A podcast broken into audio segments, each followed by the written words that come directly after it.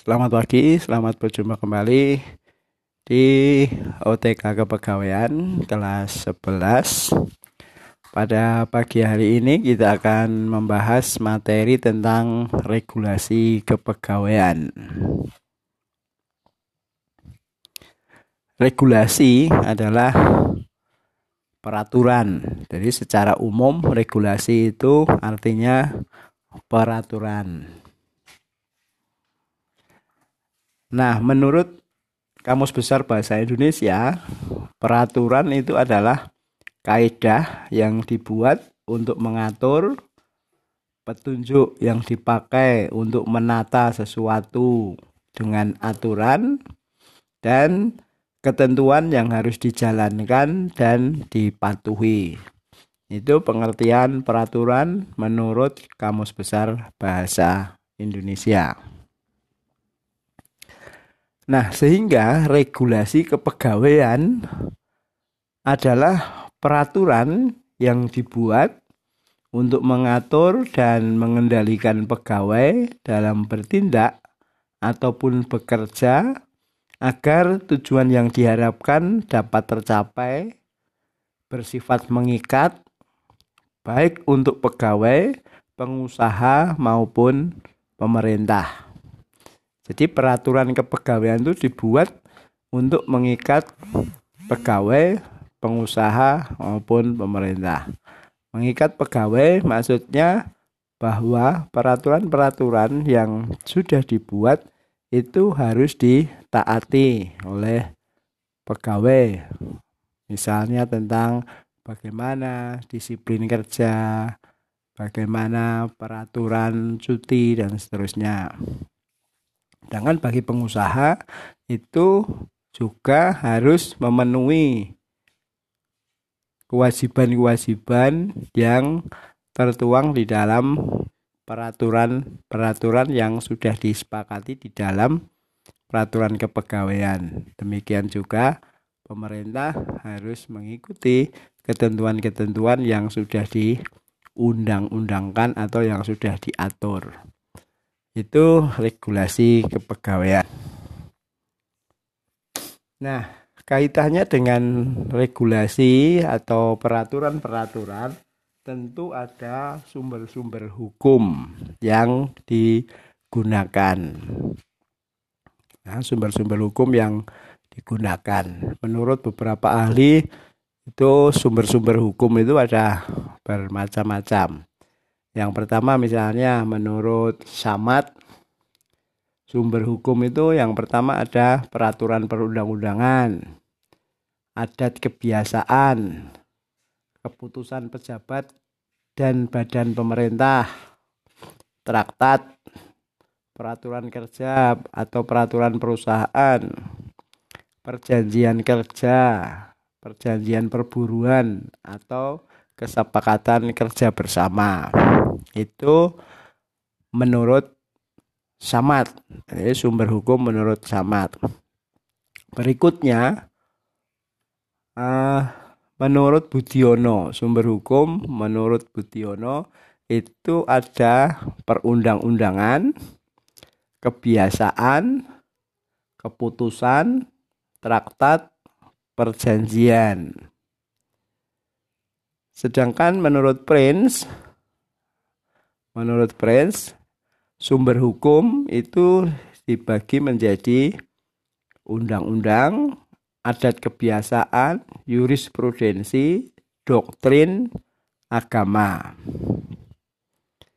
Nah, menurut perundang-undangan yang berlaku di Indonesia, itu ada beberapa tingkatan kalau undang-undang yang berlaku di Indonesia atau peraturan-peraturan yang berlaku di Indonesia itu ada beberapa tingkatan. Yang paling tinggi itu adalah Undang-Undang Dasar 45. Di bawah Undang-Undang Dasar 45 itu ada undang-undang, ada peraturan pengganti undang-undang, kemudian ada peraturan pemerintah, ada perpres, ada perda. Jadi Undang-Undang Dasar 45 itu yang tertinggi. Kemudian di bawahnya itu undang-undang atau peraturan pemerintah pengganti undang-undang ini dibuat tidak boleh bertentangan dengan Undang-Undang Dasar 45. Terus di bawahnya lagi ada peraturan pemerintah. Peraturan pemerintah itu juga demikian. Dibuat tidak boleh bertentangan dengan undang-undang maupun Undang-Undang Dasar 45. Nah, di bawah peraturan pemerintah ada Perpres, peraturan presiden. Peraturan presiden juga demikian, dibuat tidak boleh bertentangan dengan peraturan pemerintah, dengan undang-undang, apalagi dengan Undang-Undang Dasar 45. Kemudian yang paling bawah itu ada Perda atau peraturan daerah.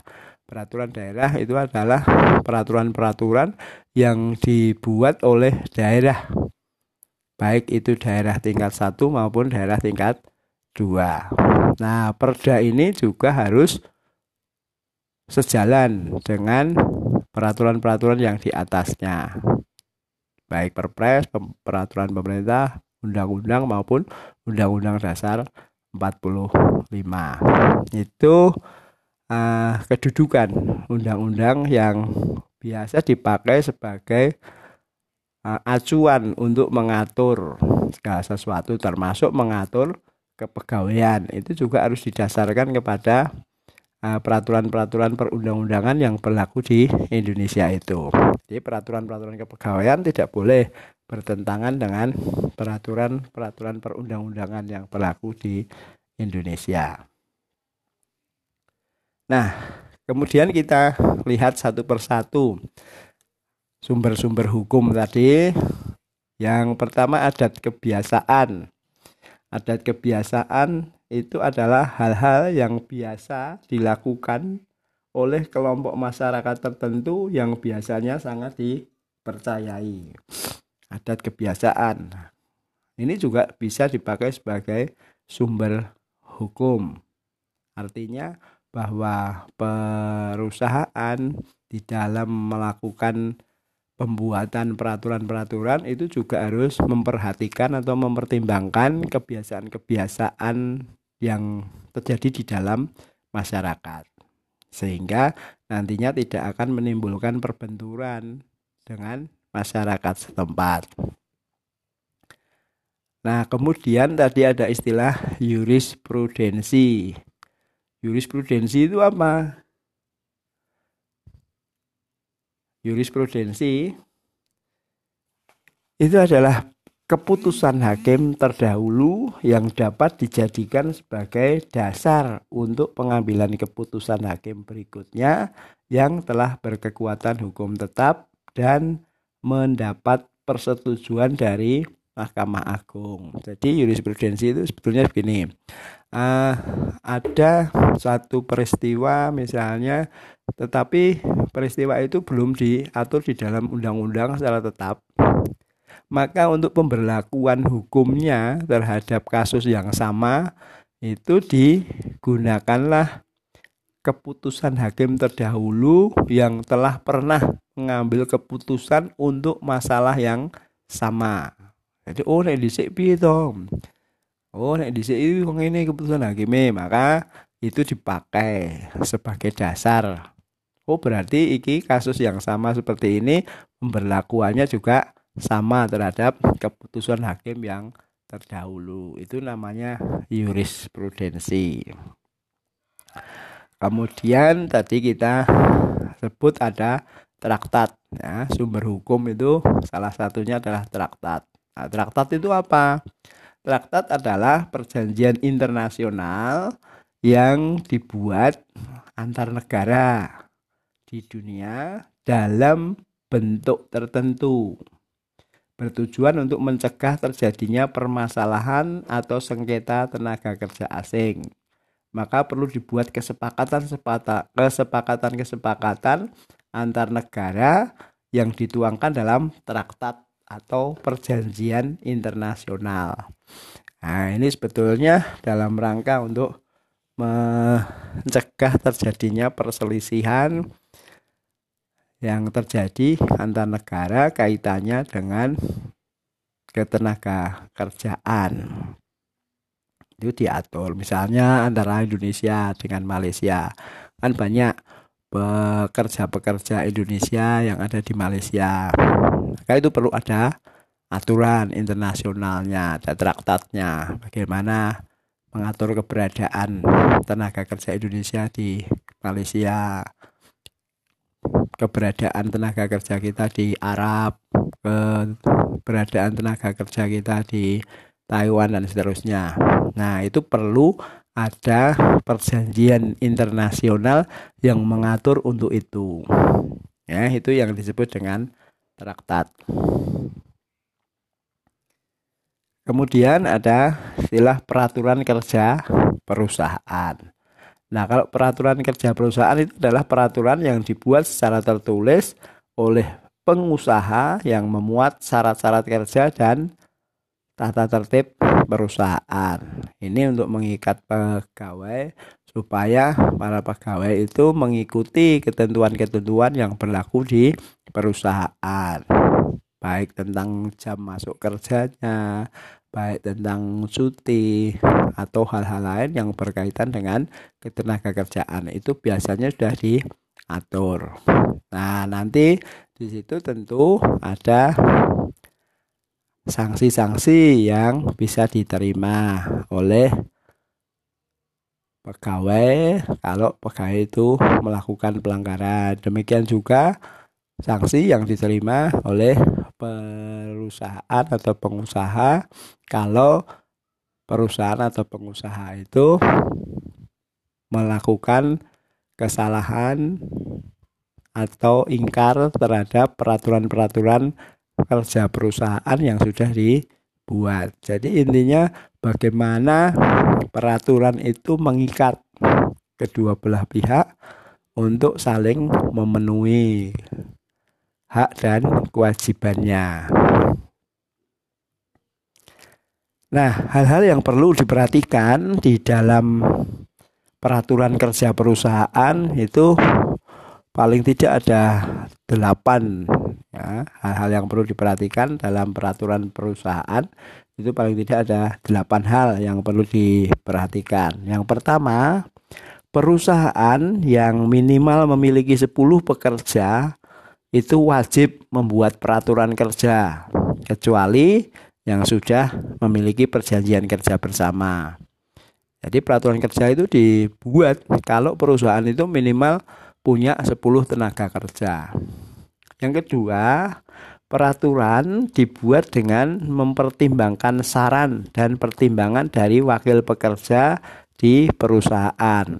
Ini artinya bahwa peraturan-peraturan yang dibuat itu harus ada kesepakatan bersama antara pekerja dan perusahaan. Nah, dari pihak pekerja itu biasanya ada serikat kerja atau perwakilan yang mewakili pekerja untuk membuat peraturan bersama. Nah, sehingga nanti peraturan yang akan ditetapkan itu benar-benar bisa diterima oleh kedua belah pihak. Tidak memberatkan satu pihak ke pihak yang lain. Kemudian yang ketiga, materi yang diatur adalah hal-hal yang belum diatur dalam peraturan dan rincian pelaksanaan ketentu dalam ketentuan perundang-undangan. Jadi kalau di dalam ketenaga kerjaan itu kan sudah diatur sebetulnya di dalam undang-undang ketenaga kerjaan. Nah, apa yang belum diatur di dalam undang-undang ketenaga kerjaan itu nanti dibuatkan peraturan kerja perusahaan. Itu maksudnya. Jadi kalau sudah diatur dalam undang-undang ya sudah ngikuti undang-undang yang ada undang-undang ketenaga yang ada tapi yang belum diatur hal-hal yang belum diatur itu kemudian dilakukan pembuatan peraturan kerja perusahaan supaya nanti lebih rinci lagi aturan-aturannya itu. Yang keempat, memuat tentang hak dan kewajiban baik pengusaha, pekerja itu harus ditetapi itu.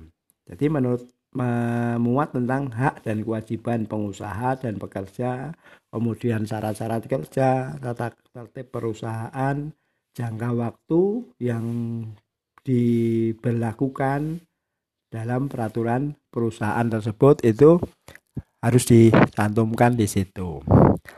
Nah, yang kelima, pembuatan peraturan kerja tidak boleh menggantikan perjanjian kerja bersama yang sudah ada dan tidak boleh bertentangan dengan undang-undang yang berlaku.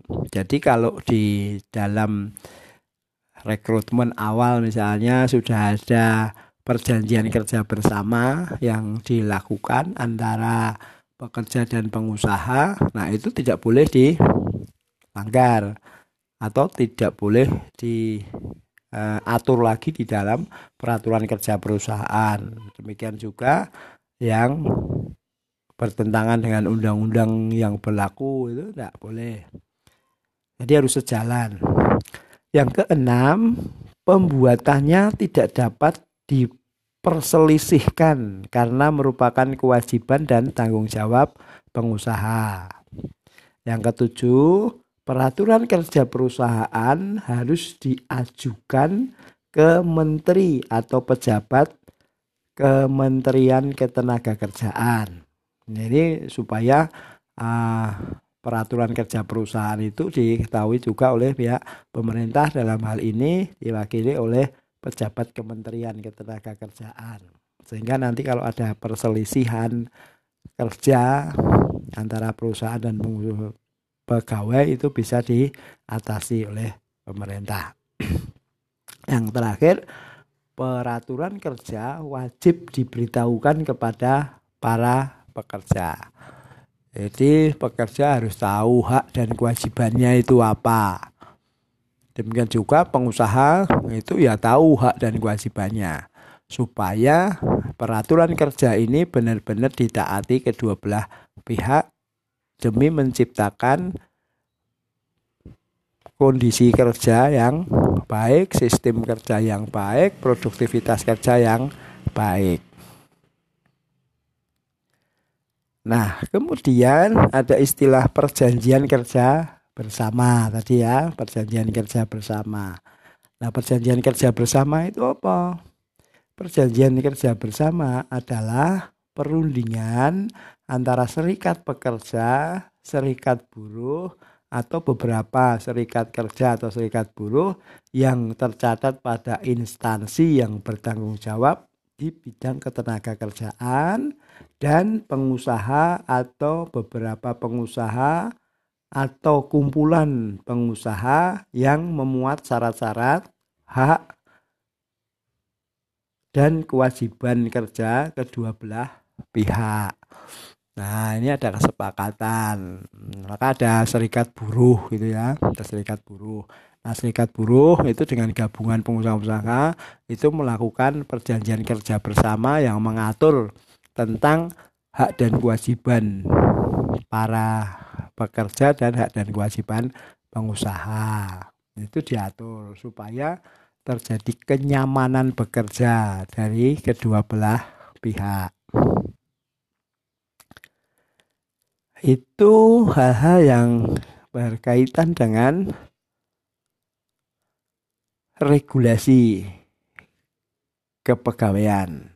Nah, mudah-mudahan apa yang sudah saya jelaskan pada materi kita di regulasi kepegawaian ini bisa ditangkap dengan baik, bisa lebih jelas. Kalau ada hal yang belum jelas, tolong bisa ditanyakan. Ya, bisa ditanyakan lewat WA atau lewat Japri, tidak masalah supaya kamu punya pemahaman yang benar terhadap materi kita pada pagi hari ini yaitu tentang regulasi kepegawaian. Oke, terima kasih. Selamat belajar dan jangan lupa tanya untuk hal-hal yang belum jelas.